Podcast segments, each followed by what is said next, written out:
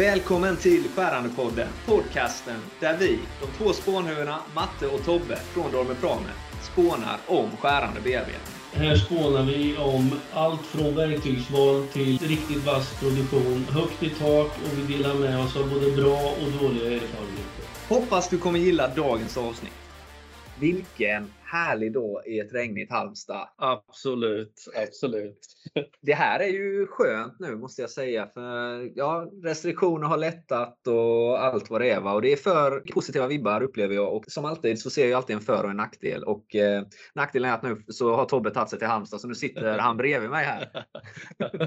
ja, om man ser det som nackdel så kan man väl göra det. Men det är väl skönt att lämna Östergötland lite ibland. Nej, eh, skämt åsido. Det är otroligt trevligt att se dig i, i verkligheten. Och eh, att du är fulladdad här. Vi har eh, på bordet framför oss så har vi ettan lös, vi har eh, nässpray och vi har starkt jäkla kaffe då. Och det är bara på Tobbes sida. Eh, jag ska inte säga vad det är för droger på min sida då. Nej, jag tror vi håller det för oss Ja, vi får, vi får inte gå ut för hårt. Bra, men dagens ämne då som vi ska bearbeta lite. Ja, vi kan ju ta en snabb recap här på uh, succén från förra veckan. Mm, uh, när vi hade lite intervjuoffer kan ja, man väl precis, säga. Och fyra snabba från Tobbe. Det var Ja. ju riktigt trevligt. Fallit väl ut. Måste jag Ja, säga. jag har väl känt att eh, det har gått upp ganska bra i lyssnarsiffror eller vad man ska Ja, säga. det Det, heter ju inte tittarsiffror när man har podd.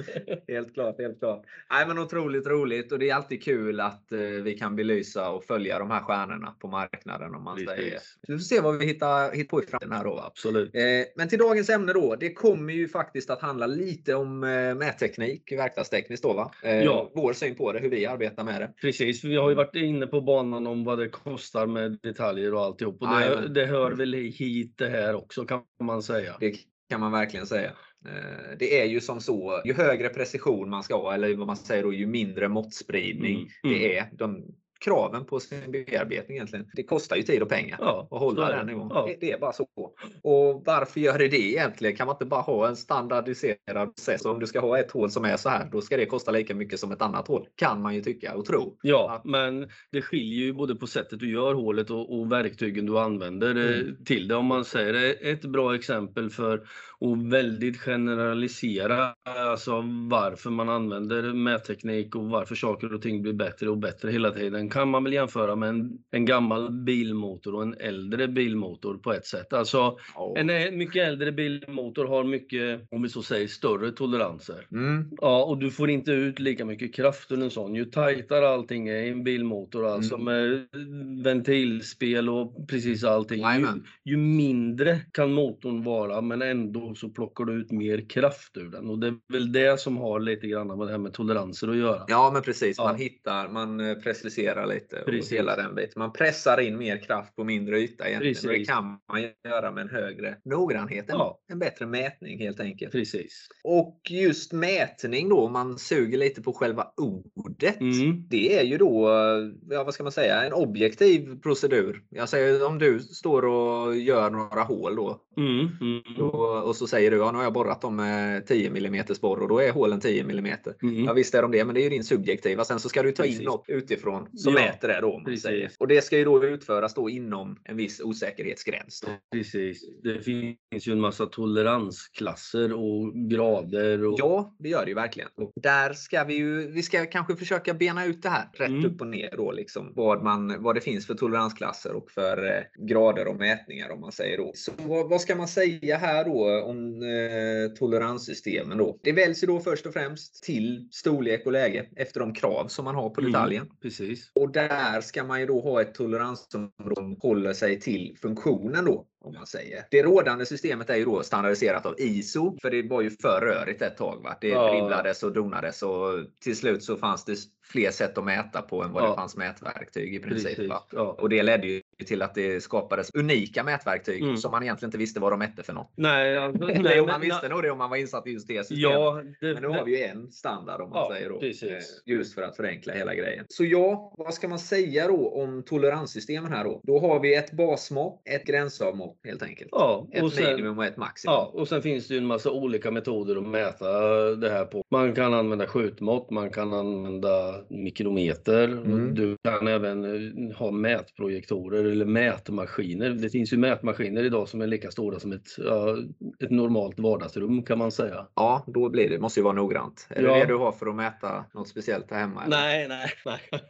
nej, nej, men om, man, om du förstår hur jag tänker, alltså om du, mät, du var inne på att jag hade borrat ett 10 mm hål. Mm. Mäter du det med ett skjutmått så mäter du att det är 10. Mm. På sin höjd så kan du komma åt att mäta inom en tiondel. Ja. Är det 10,1 eller är det 9,1? Ja, sen är det ju hur bra ögonmått man har. då. Ja, nej, men alltså kör du med 10 mm borr så hoppas man ju på att man ska vara ungefär rätt. Nej, Men vill du ta till exempel en sån här toleransklass som H7 till exempel. Du vill in, veta inom ett par hundradelar att du är på rätt ställe. ja, man veta att man är det varje gång med. Ju, Ja, då. Då går man ju in och använder en mikrometer istället. Mm. Sen finns det ju en otroligt massa mer saker man mäter om än bara just måttet. Man kollar yta, man kollar vinklar och Precis. det här hänger ihop lite med varandra. För om Mm. man säger, kör du en fin tolerans i ett hål, Ja, då är oftast ytan mycket, mycket bättre än Precis. eller om du har en större tolerans. Ja. För borrar du ett hål eller om du brotchar ett hål så Mm. får du två olika ytor. det blir ju två olika hål. Ja, Om man säger. Även om du med ett bra borr idag kan göra väldigt fina hål. Ja. Om man säger. Men det blir ju, brotcharna finns ju där av en anledning. Vi har Ja. varit inne på det förr, men ja precis. Vi har... att brotchen är ett utdöende verktyg. Men det är, ja, i vissa fall är det ju det. Och Ja. i vissa fall inte. Nej, precis. Men vad kan man kalla mer? Varför finns det här då? Det är ju hål och det är ju något som ska in i hålet sen då. Ja, Precis precis. som eh, mänskligheten eh,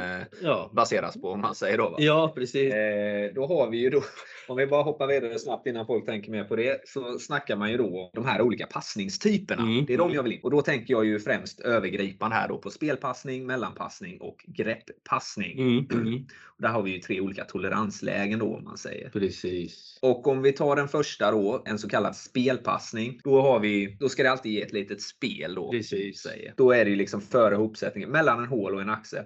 Och Ja. detta innebär ju då liksom att hålet är lite större än Ja. axeln. Ja, så att man kan vicka. Om man sätter i en, liksom, en En, pinne i ett hål och den inte sitter tillräckligt hårt, då kan man vicka lite på den. ja, en generell tanke, håller man på med en spelpassning så är hålet alltid på plus och axeln är alltid på minus. Precis. Då får man en spelpassning så att säga. Exakt. Ja. Så där har vi ju nummer ett då på Mm, den passningen. mm. Och då krävs det ju inte jättehöga toleranser och så. Nej, va? nej, det beror ju på vad man vill. Du kan Skilt- köra ett el- 11 mm hål och en 10 mm axel. det är ju en spelpassning. Ja, det, det är det faktiskt. Och där, där sa jag också lite fel, så jag får rätta mig själv. Att det kan ju vara att man behöver den här passningen Mm. också. om man säger. Och då kan det vara att man behöver höga toleranser på Precis. för att det ska vara en noggrann Mm. passning. Om Mm. man säger då. Och sen så har vi mellanpassning. Och vad innebär då det? Det innebär att den kan ge antingen spel eller ett så kallat grepp. Då. Precis. Mm. Ja, vad kan vi säga om det då? Ja, alltså en del, eh, ja, lag, jag kallar det för presspassning, det du menar med grepppassning. Ja, okej, det är ja. väl mer lager, uttryck. det är väl mer eh, lagerlägen och sådana saker jag tänker på. Jag kommer inte på något bra sätt att förklara mellanpassning faktiskt. Nej, men det finns ju. Det är väl egentligen, vad ska man säga? Det är lite, lite tätare.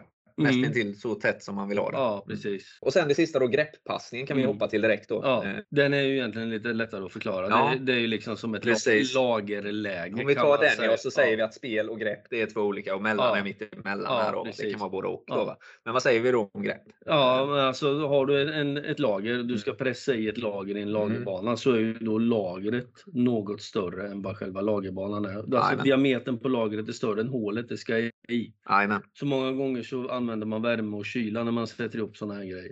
precis. Du, ky, det. du kyler lagret och värmer. Precis, du kyler materialet, det blir mindre, du Ja, värmer det materialet, det, vidgar sig. Ja. Så kan det vara ja. På många fall. Ja. Eh, bra! Blir det kallt blir det mindre, så Ja. är det ju. så kan det vara. Ja. Så kan det vara. Nu snackar vi bara verktyg. Ja, Eh, absolut. Så, givetvis. Och ja, vad har vi mer att ta idag? Sju sjösjuka, vad sa vi? Nej, det, det finns ju en sån här.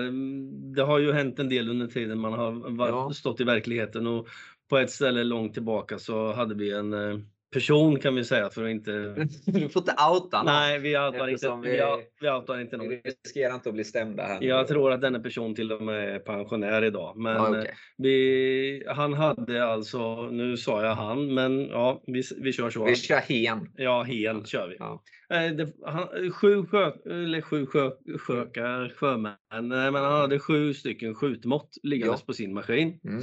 Och sen när han eh, körde då, eller hen körde ett jobb, så mätte han med alla skjutmått. Ja. Ja, och eh, när han hittade ett skjutmått som gav samma mått som det stod på ritningen så var han nöjd. Då var det la, då la han detaljen. Och då visste han att det fanns något av de här skjutmåtten då som gav rätt. Ja, han, han tog det alltså skjutmått efter skjutmått Ja. och mätte samma detalj. Men, Ja, ja, men nu vart detaljen godkänd. Ja, nu är det är den klar. helt lysande. Vi, om man säger så här, när jag började på det här företaget så var han där och hade varit herregud. ganska kort tid. Mm. Och vi jobbade inte ihop jättelänge. Nej. Nej, han, var, han blev inte så lång. Han var, han var duktig på vet vi- stora Nu vet vi pelpassningar. att det är en gammal kollega till dig. Ja. Jag vet att det är en hel. Ja, kan vi ska inte outa mer Nej, än så. nej, Va? Nej. Det är bra. Men så kan man göra också ju. Det, för det är ju egentligen ett fel. För det är ju, Ja. du, har ju fått, du har ju haft ett objektivt mätverktyg för Ja, att säga att du har precis. fått ett eh, rätt eh, sort. Men det är också eh, så att man får det. Och det Ja. gäller ju att kalibrera sina Ja. verktyg. Med. Lite grann vad jag vill ha sagt med det här är väl att det egentligen finns ganska mycket teknik bakom att mäta. Och Mm. man kan, alltså har du tre personer så kan du faktiskt få tre olika resultat Jajamän. på samma detalj och med samma mätverktyg. Ja.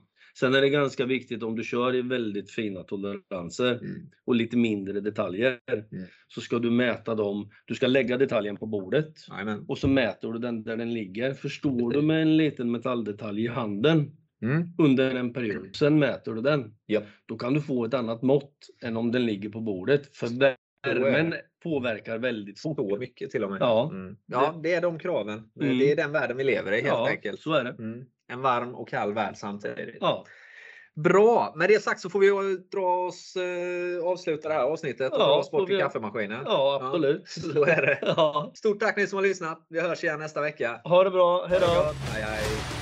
Ett stort tack till dig som har lyssnat på våran skärande podd idag där vi som vanligt har spånat vidare om verktyg och produktionsteknik, erfarenheter av alla slag. Och vill du fortsätta att spåna med oss så joina gärna våra forum på Facebook, gruppen Skärande bearbetning, där spåntagningen aldrig tar slut. Har du njutit av dagens avsnitt, låt det synas med en liten like, en liten kommentar eller med en liten review. Ha det gott så hörs vi nästa gång. Ha det bra så hörs vi vidare.